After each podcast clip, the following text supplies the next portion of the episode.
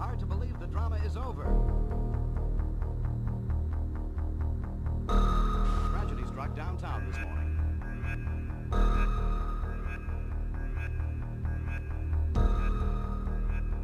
One day is just like every other.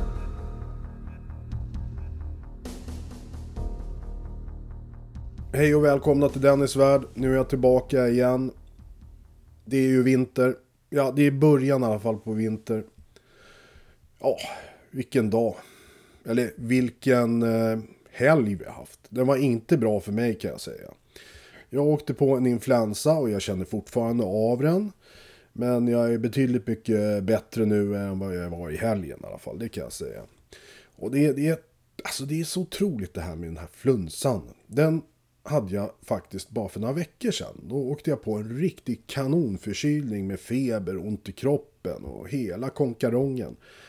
Och så nu igen, i lördags, då kände jag av någonting i kroppen. Äh, det här känns inget bra, jag går och nyser och snorar och sånt där. Men eh, sen på söndagen blossade det upp och eh, jag var helt sänkt. Jag mådde så dåligt. Ja, ni vet, som män brukar göra. Eh, ja, mm, ni fattar. Eh, ja, men idag, det är ju tisdag, Eh, så mår jag betydligt, betydligt mycket bättre. Ja, det gör jag. Och sen hade jag massa saker som jag måste göra idag eftersom jag inte hunnit med det. Så att jag var tvungen faktiskt att åka byta däck på bilen. För jag såg de första snöflingorna komma idag. Så att jag fick lite så här panik. Eh, å andra sidan så var det redan inbokat med däckbyte. Så att eh, ja, jag åkte dit i morse och gjorde det som jag skulle göra. Och eh, på vägen hem, och titta här för en katt på besök. En eh, jättefin kattunge, men det är inte, alltså man kan inte tro att det är en unge, det är en jättestor katt det här.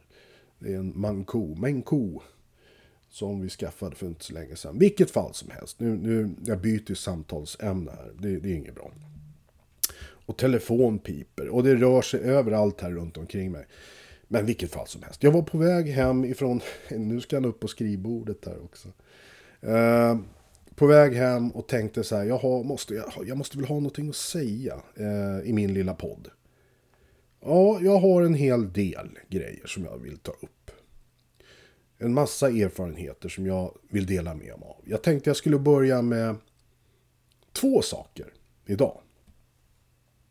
Vet vad jag, nej, ni vet inte vad jag ska prata om. Men så här är det.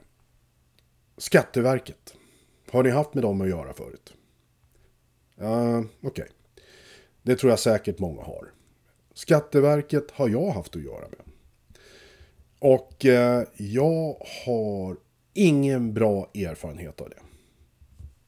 Och varför har jag inte det då? Mm, det ska jag berätta. 2015 hittade vi den där ryska ubåten, Sarenubåten utanför Grisslehamn. Vet ni vad jag snackar om? Om ni inte gör det, ni kan gå in och googla ubåt Grisslehamn, det är bara att skriva det. Den här är eh, en historisk ubåt som jag hittade. Den är från Sarentiden och sjönk 1916. Den var påkörd av ett svenskt handelsfartyg och sjönk till botten med 18 man ombord. Eh, ja, vilket fall som helst. Det blev ju en jättegrej utav det hela.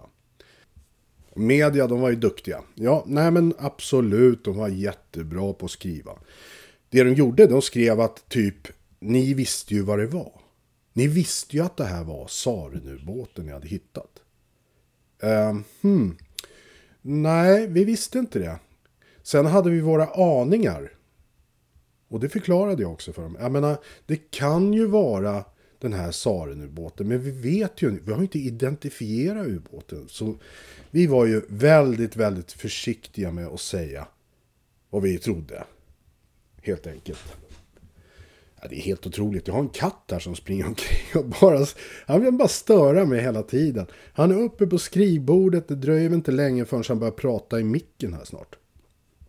Ja, vilket fall som helst, den här, det här drevet som var efter oss med, med media då, eh, som ville typ eh, ja, smutskasta oss. Eh, och jag var ju väldigt tydlig med att Vi har hittat en ubåt och vi hoppas givetvis på att den här ubåten är en äldre ubåt. Och det är att det är, att det är den här Saren-ubåten vi har hittat. Nästa steg i det hela var ju att identifiera den här ubåten. Och det gjorde vi en vecka efter vi hade gjort fyndet. Då var ju till och med Expressen med på båten. Äh, det, var, ja, det var en konstig tid måste jag säga. Vi var jättelyckliga för att vi hade hittat den här ubåten. Men i början så visste vi inte riktigt vilken ubåt vi har hittat eftersom det var i så otroligt bra skick. Så vi hade svårt för att tro att det här var SOM som vi hade hittat.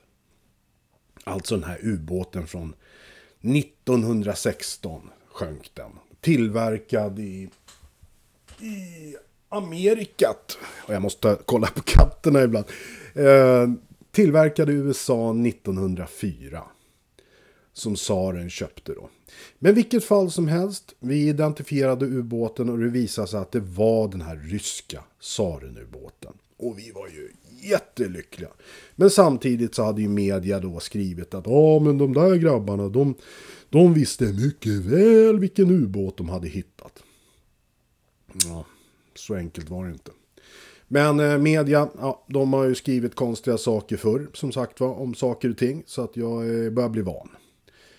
Men vilket fall som helst, nu ska jag berätta självaste grejen. Skatteverket. Hör här nu. När vi hittar den här ubåten så händer det grejer kan jag säga. Jag får ett samtal. Och vilka är det som ringer mig tror ni? Säpo ringer mig. Säpo, polisen, säkerhetspolisen alltså. Och jag var ju sådär, va, va, jaha, ja. Ja, nej men du Dennis, eh, vi skulle vilja att du kom in här. Vi skulle vilja ha ett förhör med dig. Uh, Okej. Okay. Om vad då? Ja, det, det, kan vi prata om när du kommer. och jag var aldrig råkat ut för något sånt där förut. Så att jag var, shit man, Säpo vill prata med mig. Vad är det frågan om? Så ja, mycket riktigt, jag... Ja, efter det här samtalet så ringde jag faktiskt upp Peter också. Han bara, va? Vad säger du? Ska du till Säpo? Ja, eh, men de vill prata med mig och... Jaha, okej. Okay. Så jag åkte ju dit till Solna, till Säkerhetspolisen. Och eh, blev mött av två stycken herrar.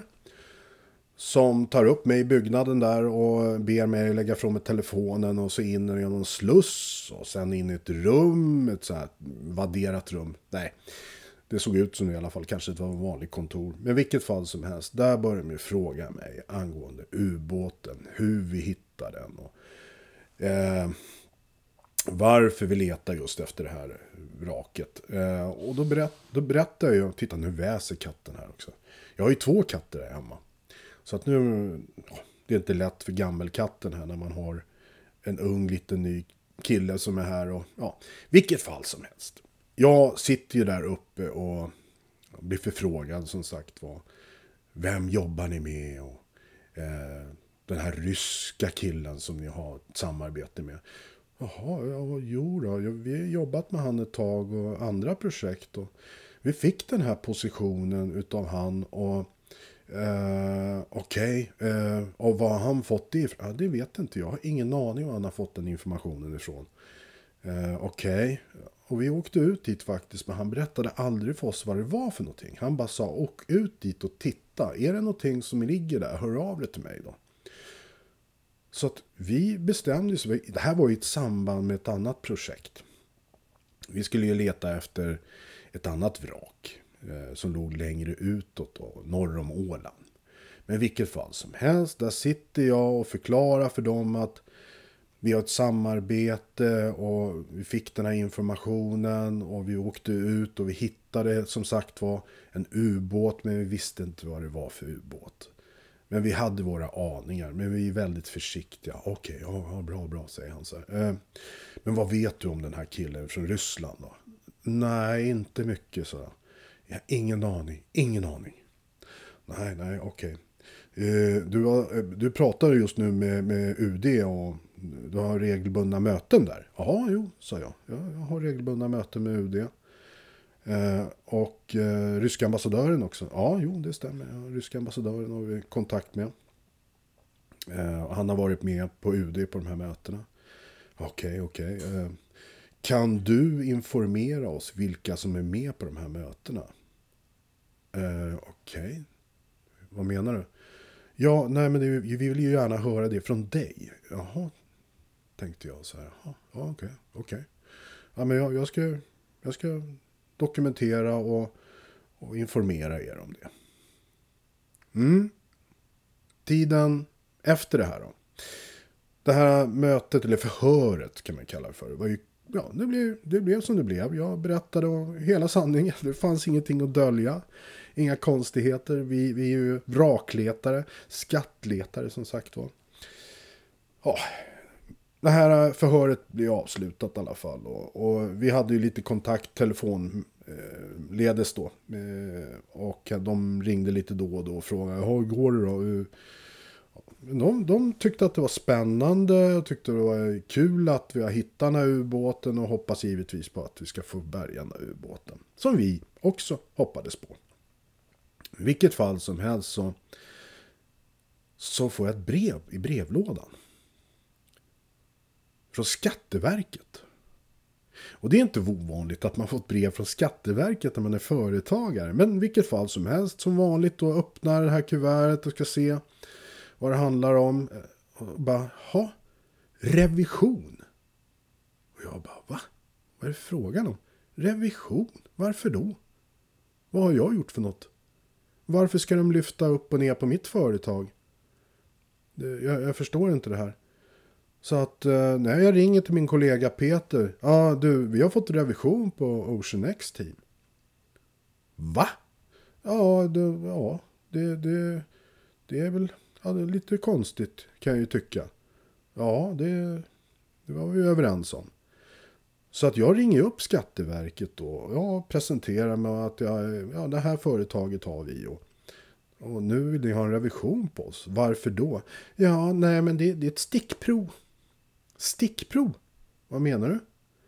Ja, vi, vi gör så här ibland. Vi gör stickprov. Vi kontrollerar... Jaha, tänkte jag så här. Varför då? Och, och du vet, jag, bara, jag, jag förstod ingenting. Men eh, det gick någon dag eller två tror jag. Dagar. Så går jag till brevlådan igen och tittar. Och då ligger ett till brev från Skatteverket. Då begär de revision på mig personligen också. Och jag bara, vad i helskotta är det här? Så att jag ringer upp kollegan Peter. Bara, du, eh, jag har fått revision på mig personligen också. Och Peter bara, Åh, vänta jag måste kolla också. Ja, det hade han också fått. Vi båda hade fått revision på oss. Och företaget. Och vi förstod ingenting. Jag bara ringde upp Skatteverket igen. Du, jag pratade med en kollega till dig och då sa de att ni hade gjort stickprov på vårt bolag. Nu gör ni revision även på oss personligen. Varför då? Är det, det här är, är stickprov sa du? Ni, ja, nej, det, det... Ja, jag kan inte svara på det. Nähä? Nej, nej, du kan inte svara på det. Men vad är anledningen? Ni måste ju ändå ha en anledning till att göra de här revisionerna på oss. Ja, nej, men det kan jag inte gå in på. Det kan jag inte gå in på. Ja, det, var, det var upp och ner allting och jag förstod ingenting. Vi har ju ingenting att dölja. Det var ju helt galet. Vilket fall som helst, jag kontaktade min revisor och berättade det här då. Eller jag åkte faktiskt dit och tog med mig de där papperna. Och, och bara du, kolla det här. Jag har fått revision på mig personligen och bolaget. Jaha, nej men Dennis, var, varför då? Så, ja, jag ringde dit och frågade. Nej, de vill inte uppge det. Nej men det är ju märkligt. Jaha. Och eh, efter ett tag så fick jag ytterligare en, en, en, en, eh, brev från dem som, där det var mer detaljerat vad de ville veta. De ville, helt enkelt, de ville helt enkelt veta alla transaktioner som är gjorda. Alla köp som är gjorda. De vill ha underlag för det. Och jag åkte till min revisor med det här och och visa. Men Dennis, vad, jaha, vad märkligt. Det här har jag aldrig varit med om förut. Jag menar, ni har ju inte gjort något konstigt. Nej, jag... jag... Men samtidigt så tänkte jag så det måste ju för fan ha med den där ubåten att göra. Så jag kommer ihåg, jag försökte få tag i, i Säpo-killen som jag hade pratat med, eller som var min kontaktperson då. Men eh, nej, inget svar därifrån. Det hände ingenting. Och eh, eh jag bad min revisor plocka ihop alla papper, alla underlag, alla kontoutdrag, allt det här. Eh, och vi skickade in det till Skatteverket. Eh, och de gjorde sin revision, gick igenom allting. Eh, och på bolaget då så, hur var det nu? Ja, då hittar de ju ingenting. Inte ett jox. Ingenting. Och den, eh, den grejen då, den kostade då mig och Peter, alltså företaget. Alltså revisorer, de jobbar ju inte gratis. Då ska jag betala timpenningen då för, för att de ska ta hand om det där. Och ja, det gjorde inte Skatteverket. De betalade inte det. De ville bara ha. Men det var vi som fick betala för det. Och grunden till det hela, ja, troligtvis för att vi hade hittat en ubåt. Och eh, det var jättekonstigt med den här ubåten säkert. Och att vi hade ett samarbete med en rysk kille. Ja, äh, då måste de vända upp och ner på hela vårt liv. Och det var precis det de gjorde. För att de hittade ju ingenting i företaget Ocean X-Team. Det var ju blankt, det var ju jättebra allting. Men jag fick ju betala notan som sagt var. Men det skiter Skatteverket i. Sen är inte nog med det. Sen gjorde de ju en personlig revision på mig. Och då ville de att jag skulle redovisa alla mina köp, mina kvitton på mitt konto. Det här är sant. Det här är så sant som jag säger det. Och jag var, men vänta, mitt privatkonto, det har ju ingenting med företag att göra. Jag har ingen skyldighet att redovisa min privata ekonomi för Skatteverket. Och då var det punkter som eh, sålt en båtmotor, en gräsklippare, eh, massa sådana här grejer som man har, du vet, 5 000 där, 10 000 där, 3 000 där. Ja, du vet sådana här normala grejer som man har i, på sitt konto. Man har köpt något eller man har sålt någonting. Alltså. Vet du vad, vet du vad de säger då till mig? Eller jag fick ett brev från Alla de här posterna med eh, 3000 där, 7000 där. Vi vill ha kvittot underlag. Och jag bara, men jag sålde min båtmotor här. Uh, jag har inget underlag för det. Och varför ska jag ha det för? Det här är mitt privata konto. Jag har väl ingen skyldighet. Jo, det har du visst det. Du ska redovisa allting. Jag blev helt jävla chockad. Och jag åkte faktiskt till min revisor då med de här och, och de, nej men Dennis det här, varför gör de så här mot dig? Ja, det är väl för att vi har hittat den där ubåten. De gör allt, i sina, allt de kan nu för att på något sätt få oss att ja, krascha helt enkelt. Och det var precis vad de lyckades med. För att jag var ju tvungen att betala en jävla massa pengar i skatt för någonting som, alltså mina grejer. Jag hade sålt en båtmotor, en gräsklippare, det var massa grejer som jag hade sålt som var mina grejer. Som, som jag hade sålt och fått pengar för på mitt konto. Och då ville de att jag skulle redovisa. Och då hjälpte det inte med att man skrev att det var en båtmotor och en gräsklippare. De ville ha underlag, vem som har köpt den, vem som har skickat pengarna och så vidare och så vidare. Det här är helt sant det jag säger. Så att jag fick kvarskatt på mitt egna privata konto. Det är sant det här. Helt galet. Tack vare den här ubåten som vi hittade utanför Grisslehamn. De hittade ingenting på bolaget, och skulle åt mig personligen. Och samma sak hände Peter. De gjorde en revision på han också och samma sak där. Du ska ha underlag för det och det och det och det. Och då var det hans privata konto också. Nej men det är helt galet. Men det är sant. Sverige. Skatteverket. Fy fan säger jag. Ursäkta mitt uttryck. Men jag blir faktiskt lite upprörd när jag pratar om det här. För det ställde till en hel del. Inte nog med att vi har satsat otroligt, otroligt mycket pengar och tid på det här ubåtsprojektet. som eh, gick i stöpet, som ni vet. Vi har förlorat otroligt mycket pengar på det. Och ja, vad hände? Vi, vi fick inte bärga. Vi skulle få bärga 2022, maj. Alltså, 2022, maj skulle få bärga. Det sista mötet vi hade med den ryska ambassadören Viktor var i april, i början av april 2022. Samma månad som de gick in i Ukraina. Så att vi var ju superlyckliga och glada för att nu ska vi få bärga den här historiska ubåten. Så att alla får en möjlighet att se den i verkligheten. Men kriget kom. Och allting gick åt helskotta. Och plus våra pengar som vi hade investerat. Våra pengar och tid som vi hade investerat för att förbereda inför den här bärgningen. Och inte nog med det, Skatteverket då. Så att, ja, det var som att springa in i väggen. Gång efter gång efter gång. Och ja, det var helt otroligt. Det här var om Skatteverket, om ubåten som sagt va, och det som hände där. Nu ska ni få höra på en annan grej. Men jag tänkte ta en liten paus först. Om ni orkar lyssna på det här äh, äventyret i skiten, rent ut sagt. Klart slut. Jag kommer snart.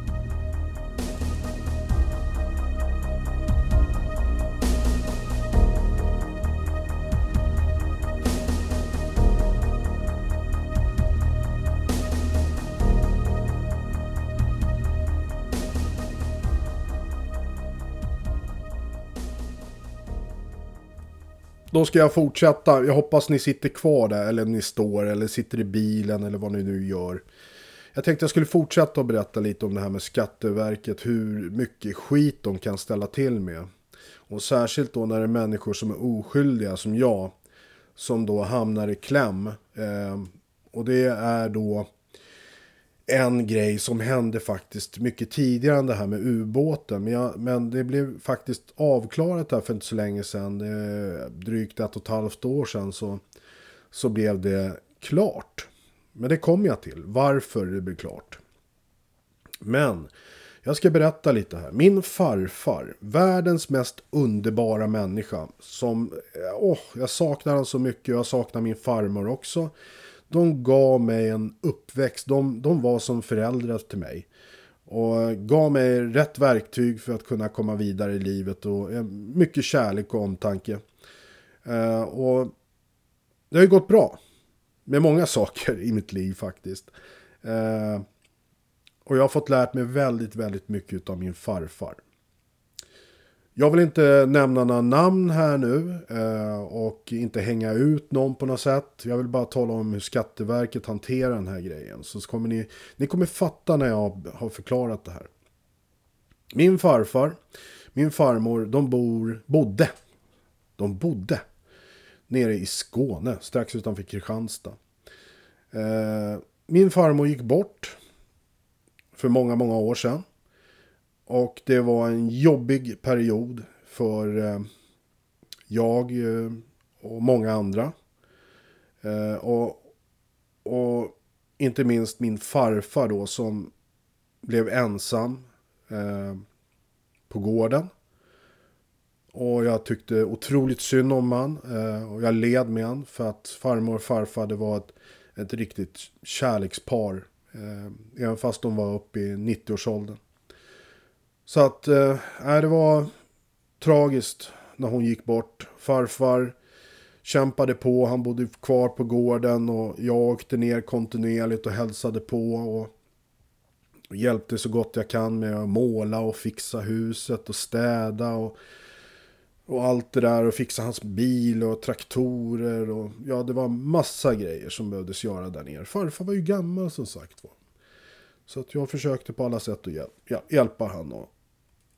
Eh, farfar gick bort. Han blev eh, nästan 90. Han skulle full, fylla 90. Men eh, nej, han kom inte riktigt fram till 90-målet.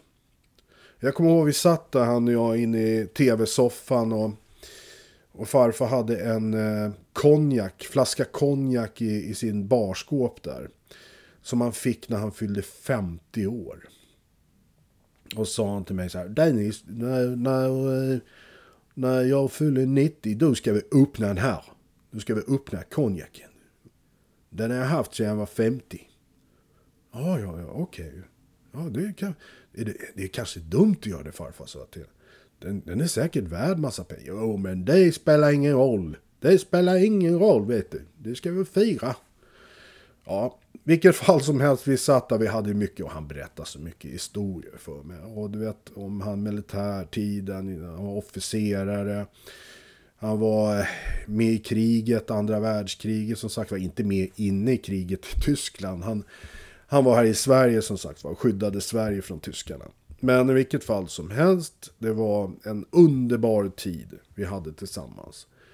Eh, han lämnade jordelivet eh, och det blev otroligt jobbigt för oss alla. Eh, den här underbara, starka, kärleksfulla människan lämnade oss och det blev väldigt tomt. Jag beger mig ner till Skåne då för att vara med i en bodelning och jag, jag kände väl sådär att oh, jag vill helst inte vara där och lyssna på allting. Jag, jag bara, gör vad ni vill ungefär. Jag, jag vill inte ta del av det här. Det, det känns jobbigt känslomässigt. Eh, men vilket fall som helst, jag var där nere. Och... Ja, det var tufft. Det var tufft. Eh, och eh, jag ska inte nämna några namn nu, men person i fråga, vi, vi, vi valde ju då, eller vi, det valdes då att fastigheten skulle säljas. Eh, för varken jag eller de andra kunde ja, ta hand om fastigheten i Skåne. Det var rätt stort faktiskt. Det var ju en gård. Eh, och eh, det var skog till det. Och det var, ja. Idag kan jag väl ångra det faktiskt, att jag inte gjorde det. Tog fastigheten istället. Vilket fall som helst så, så blev det en sån här bodelning och och folk åkte dit och släkten och ja, hämtade grejer och minnen då och så vidare. Eh, så det, det känns ju det känns lite konstigt när man strippar en hel, en hel gård då som man är uppväxt på. Eller uppväxt, jag var ju där alla somrar och vintrar och med farmor och farfar och allting bara försvinner därifrån. Och, och huset ska säljas och så vidare. Det, var, det kändes jättemärkligt. Eh, jag fick väl inte med mig så mycket, men några grejer som minne har jag hemma här. Eh, som jag tror väldigt många tar med sig när deras morföräldrar, farföräldrar försvinner. Och då har man något minne i alla fall eh, ifrån sina föräldrar. Och vilket fall som helst så... Det är konstigt att berätta om det här. Alltså. Vi sitter här nu framför den här micken och pratar om någonting som som berör mig väldigt, väldigt mycket. Och, men jag, jag ska göra så gott jag kan. Men det var en, en jävla period också. Inte nog med att jag hade förlorat min farfar. Eh, jag fick det jobbigt också. Och nu ska ni få höra här. Åren gick. Jag menar, vi, vi tyckte det var jobbigt, vi sörjde och, och eh, tiden gick och jag tror det var fem, sex, sex år efter farfars bortgång så får jag ett brev i brevlådan. det här hörde ni förut, brev i brevlådan. Från Skatteverket igen. Japp.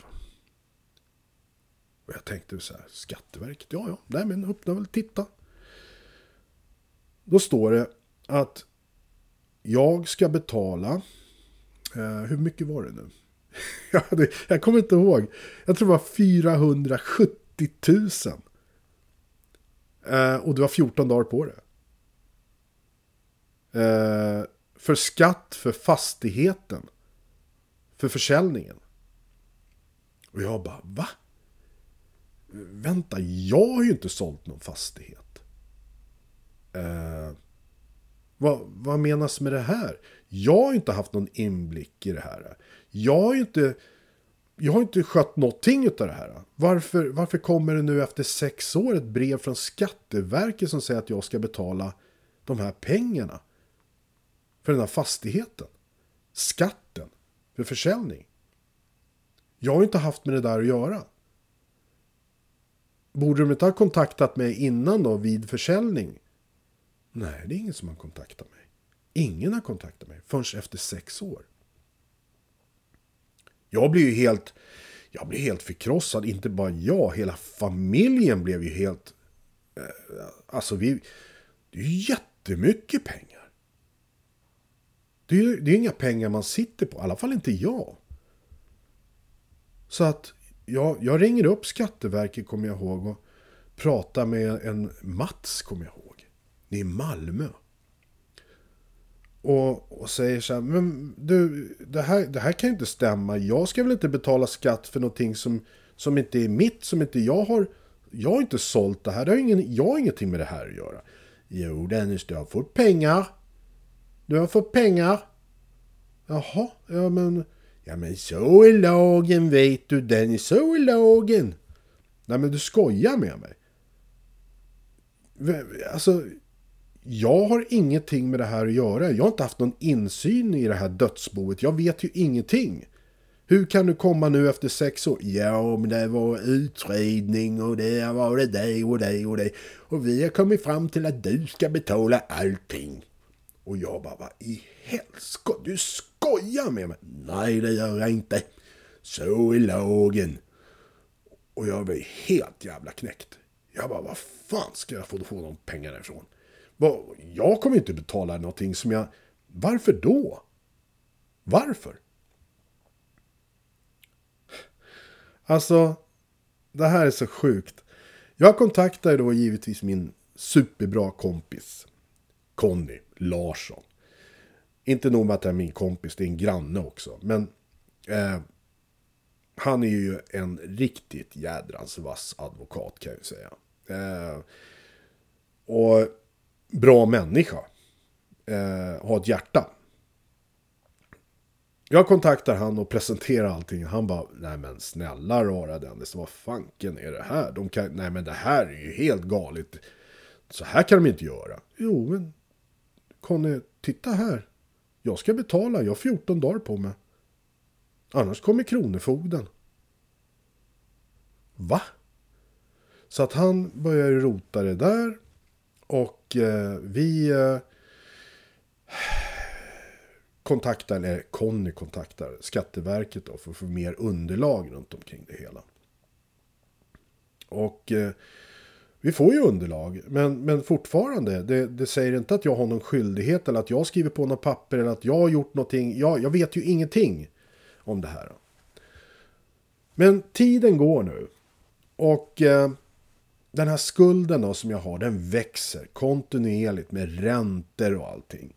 Och det är tillägg och jag ska betala för andra personer också som är delaktiga i det här äh, dödsboet, om man kan kalla det för. det. Då ska jag betala deras skulder också till Skatteverket. Så allting läggs på mig. Allt!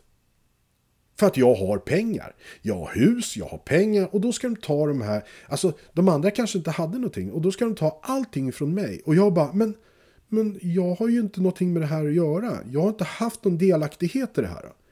Men ändå så ska de på mig och ta allt jag äger och har i stort sett. Eh, det blir ju en process. Det, Skatteverket skaffar sig då en advokatbyrå med en advokat och det blir en, en rättegång i eh, tingsrätten i Sollentuna. Och jag bara, fanken, okej, jag tyckte det var jättejobbigt. Ska jag sitta där som en helt oskyldig person och bara ta det här? Men eh, nej, jag, jag satte mig där med, med Conny och, och den här åklagaren då, eller åklagaren, advokaten från Skatteverket. Eh, ja, nej men du har fått det och det och, och, vi anser att du ska betala skulden. Eftersom ingen annan betalar så ska du... Ja, men jag har inte haft någon insyn i det. Jag vet ju inte vad det handlar om. Va, varför gör ni det här mot mig? Ja, bla bla bla bla bla bla. Tingsrätten väljer hör och häpna då, de väljer att döma mig till att betala allting. Jag blir ju helt förkrossad. Jag blir helt förkrossad. Kommer hem och säger det. Nej, alltså, vi, det gick åt helskotta. När jag väl fick domen då, det tog ju en vecka eller någonting sånt där, så fick jag den där domen. Och, och jag kommer ihåg att det var Conny som eh, kontaktade mig, han hade ju fått den via eh, e-mail då. Och så kom jag hem och berättade, nej men Dennis, det här, så här kan de inte göra. Du har, jag vet, men nu har de gjort det. Jag ska betala de här pengarna. Det som händer då, det är att vi överklagar ju igen. Eh, direkt till eh, hovrätten. Och eh, det blir samma sak där. De går efter tingsrättens beslut. Ändå så har vi då kompletterat med saker och ting som stärker då att jag inte haft med det här att göra. Jag har ingen insyn, bla bla bla bla bla bla bla. Och så vidare. Och den här skulden den bara växer och växer hela tiden. Och jag, jag är förtvivlad. Jag, jag känner mig så nere i skorna. Samtidigt som jag har Ocean X-team och du vet all erfarenhet därifrån när det gick åt helskotta med ubåten, när det gick åt helskotta med konjaksvraken. Alltså det var så många saker som hade gått fullständigt åt pipan för mig. Och inte bara för mig, det, det, alltså det drabbar ju en hel familj det här. Så att vi mådde ju jättedåligt tack vare det här. Jag var ju oskyldig. Men eh, nej, även där så tyckte de att jag skulle betala. Och Conny då, han är ju envis, precis som jag är. Eh, Conny bara, nej men det, det, här, det här kan ju inte vara sant. Vad, vad är det för jäkla land vi lever i? De, de måste ju ändå kunna bevisa någonting. De bara dömer och dömer och dömer utan att ha något kött på benen. Du har ju inte haft någonting med det här att göra. Varför ska du betala hans och deras skulder? Ja, tiden gick. Vi skickade in till HD, Högsta domstolen. Överklagade igen. Och jag kände väl så här att, nej, ja, ja, ja, det var fruktansvärt. Brev fick jag från Kronofogden också. Och jag bara, ha, ja du, du måste betala in de här pengarna, bla bla bla. Och då, vi, då var vi uppe i ungefär, pff, jag tror att 600, 630 000 tror jag var. Någonting sånt var det. Och jag fick panik bara. Jag måste betala till Kronofogden 630 000 för någonting som jag... Varför ska jag betala? Ja, men de har sagt det i domstolen. Och jag ringde till Kronofogden, kommer jag ihåg, och sa det. Men vad, vad ska jag få tag i de här pengarna? Och, och jag berättade storyn för dem också. De gick in faktiskt och tittade samtidigt som jag pratade. Ja, det är lite märkligt det här Dennis, jag håller med dig. Men, men du vet, vi har, vi har våra regelsystem här, men jag håller nog med dig där. Ja, nej, men då, jag hoppas verkligen att det går bra för dig. Men du vet, vi måste ha de här pengarna. Jaha, jaha, ja. Har du ingen kan låna pengarna av och, och så vidare? Nej, inte så. Det tror jag inte. Eh, jag var tom. Jag var ledsen, jag var förtvivlad. Och, ja, det var vi alla, hela familjen. Alltså, ja. Ska betala någonting för, som jag inte är skyldig för. Så, eh, det, det var riktigt jobbigt. Jag eh, kommer ihåg, jag åkte till min bank, jag ska inte nämna banken, men jag åkte faktiskt prata med, med banken som jag har varit kund i 35 år. Och, eh, och ja, den personen i. Nej men kul Dennis att du är här. Ja, men det går med Ocean X-team. Hur går det med vraken? Hur går det med ubåten? Går det med det och det och det och det? Ja, det går trögt så jag. Så det, det går, går inte som jag hade hoppats. Eh. Men du, jag är här för en annan anledning nu. Jag, jag tänkte, jag måste låna pengar. Så, ja, men det är inga problem. Dennis. inga problem. Jag har ju ändå jag har ju lånat pengar till fartyg och sånt där på den här banken. Och inte nog med det huset och allt sånt där. Vet du. Jag har varit kund där jättelänge. Så miljonerna har åkt fram och tillbaka där på deras bank. Mm. Där sitter jag i alla fall med den här äh, banktjänstemannen. Och, eh, och så börjar han att klicka in då på datan. För, ja, hur mycket behöver du låna då? Ja, 640 000. Jaha, okej, okay, nej men det är inga problem, inga problem. Här ska vi se och håller han på att knäppa på sin data. Så bara rätt som det så...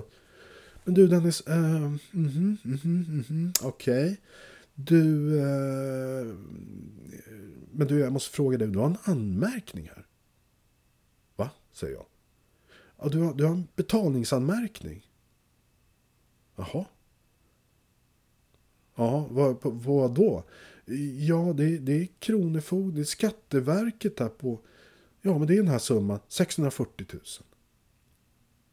Jaha, och det här går fort, säger jag till han då. Ja, meningen var att de här pengarna skulle kunna täcka den här skulden tills det här blir upprätt.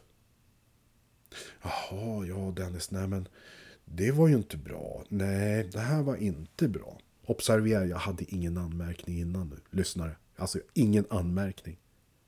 Ingen betalningsanmärkning. Och jag var kund där i 35 år. Då säger han bara, du, jag, jag, jag, jag kommer snart. Så går han och pratar med någon chef. Och så kom han in sen igen. Ah, Dennis, jag, jag är ledsen alltså. Jag är ledsen, men vi kan alltså inte låna ut. Det är våran policy. Vi kan inte låna ut pengar till dig. Och så förklarar jag för honom. Ah, du, jag, jag håller på med det här. Bla, bla, bla, bla, bla. Och Kronofogden gör någonting nu. De ska driva in de här pengarna, även fast jag är oskyldig. Och så gör de en anmärkning. Alltså det är en ond cirkel det här. Hur ska jag komma ur det här? Ja, Ja, Dennis, jag, jag vet inte. Jag, jag kan inte. Vi kan inte hjälpa dig. Vi kan inte hjälpa dig här. Nej, nej, nej, okej. säger. Ja, det är schysst. Eh, Så att jag bara reste på mig och då var till och med min fru med mig när vi var på det där mötet. Och jag kände bara, nej, jag orkar inte längre. Jag är så trött på det här. Jag har skött mig, jag har inte gjort några fel och jag blir bombarderad med skit kontinuerligt och nu Skatteverket igen. Och det här har en betalningsanmärkning för någonting som jag inte har gjort. Som gör att jag inte kan låna pengar för att betala en skuld som jag inte ens har men jag är tvungen att betala. Ja. Så var det på den banken. Så var det när jag gick hem. Jag mådde skit. Jag kom hem och eh, pratade med min advokat Conny Larsson och förklarade att fan, jag är ledsen Conny, alltså, jag, jag fick inte låna pengar. Va? Fick du inte låna pengar? Nej, jag har ju fått en betalningsanmärkning. Men, jaha? Nej men herre mie. Ja. Så att jag var ju rättslös. Jag, jag, jag hade, hade ingenstans att vända mig. Men eh, som tur är så har jag ju faktiskt en underbar mamma. En fantastisk mamma. Föräldrar som är otroligt bra. Så att eh, de stöttade mig så jag fick pengarna av henne. Och eh, slantade in de här stålarna till Kronofogden. Alltså pengar som jag inte egentligen skulle betala. Jag var inte skyldig någonting. Men jag gjorde det. Och vi väntade på att HD då skulle ta upp det här, om de nu gör det. Och när jag pratade med Conny så sa han, ja det är, jag, jag vet inte Dennis, du, du har inte för mycket förhoppningar bara angående HD. De är hårda där och, och det är inte säkert alls att de, de tar upp det här caset. Och, jaha, nej men då, då är det som det är. Det är väl sista instansen, eller? Jo Dennis, det är ju det. Sen, sen efter det kan vi inte göra så mycket. Det är bara, det är bara att inse, Sverige är ruttet. Det här, man är rättslös i det här landet. Ja, mot staten, mot Skatteverket. Mm. Jag håller med fullständigt, sa han. HD valde att ta upp det här. De valde att gå igenom det här caset. Och det tog tid. Utgången då? Vad hände? Ja, det tog tid som sagt var. Jag kom hem en dag.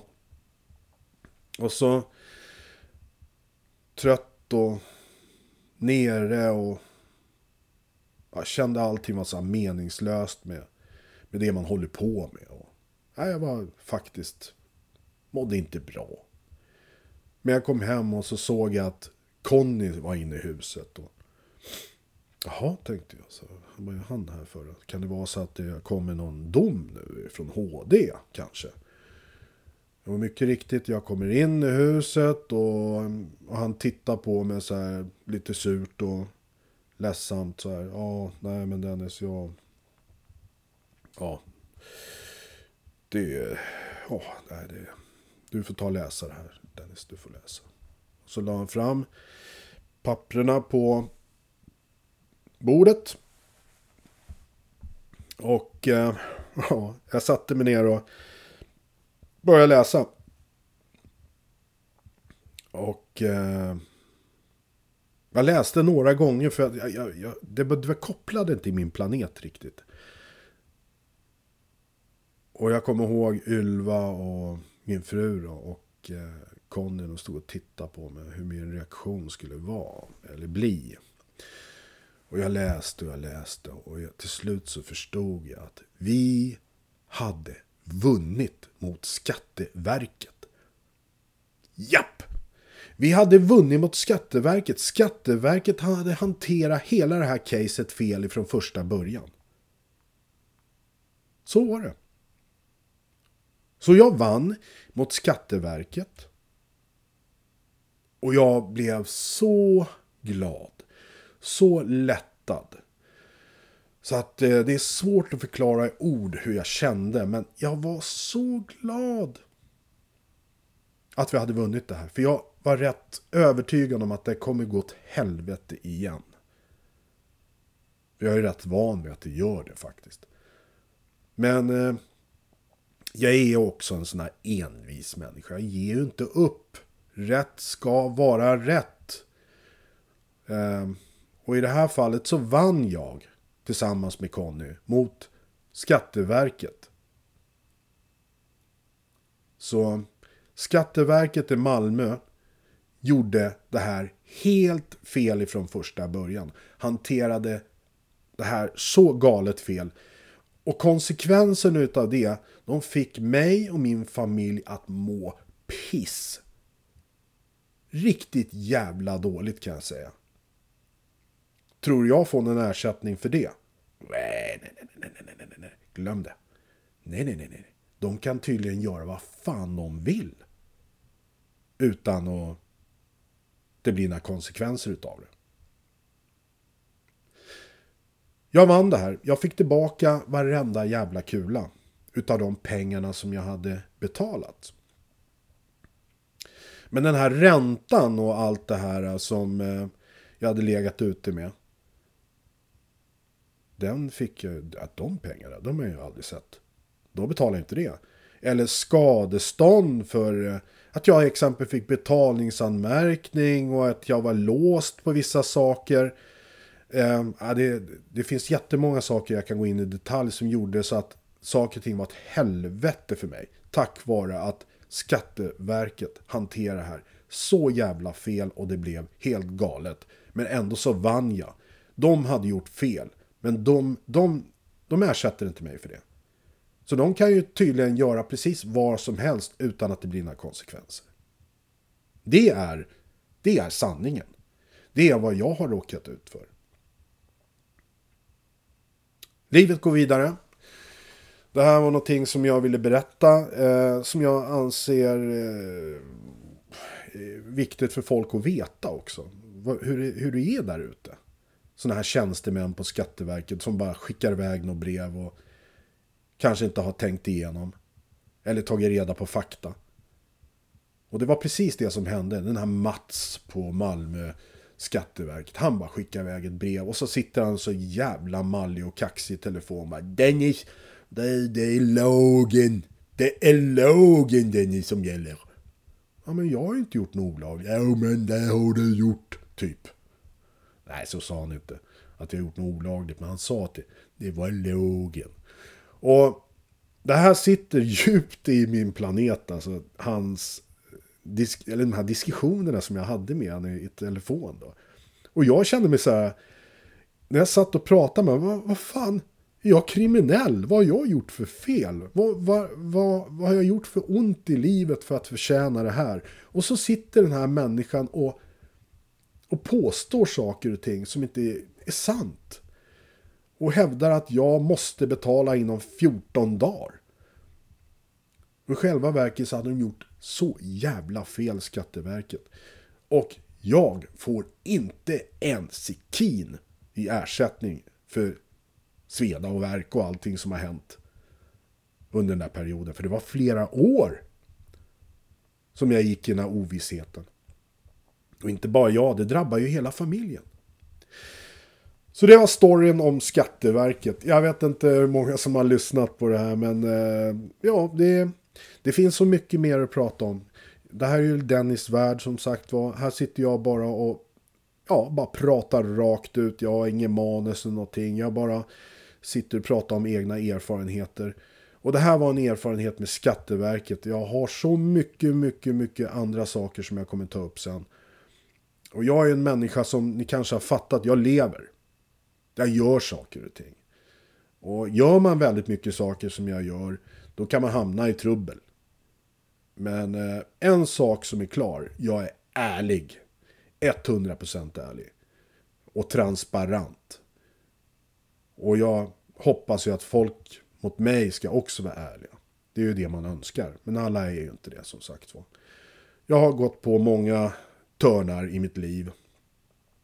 Men livet är en skola som aldrig någonsin tar slut. Aldrig tar slut. Och eh, den lever jag nu, det här livet. Och, och jag vill fortsätta leva och ha det bra. Och eh, jag hoppas ni där ute får ett bra liv också.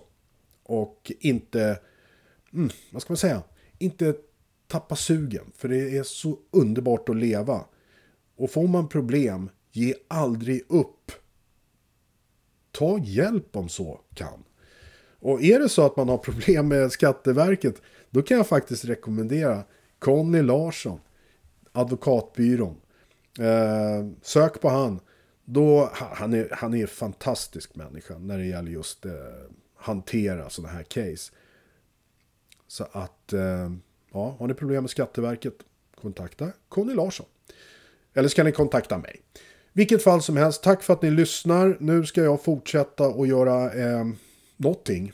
Jag kanske ska gå ner och ta ner lite kakel i ena badrummet som jag håller på med här nu. Och renoverar. Så eh, kan jag göra någon annan nytta. Men det här var lite nytta också faktiskt. För nu fick jag spy ut lite frustration inom mig. Eh, och jag hoppas att det, det var intressant att lyssna på. Ha en riktigt underbar dag. Sköt om er så syns vi i nästa avsnitt. Får vi se vad det handlar om då. Ha det bra. Tja då!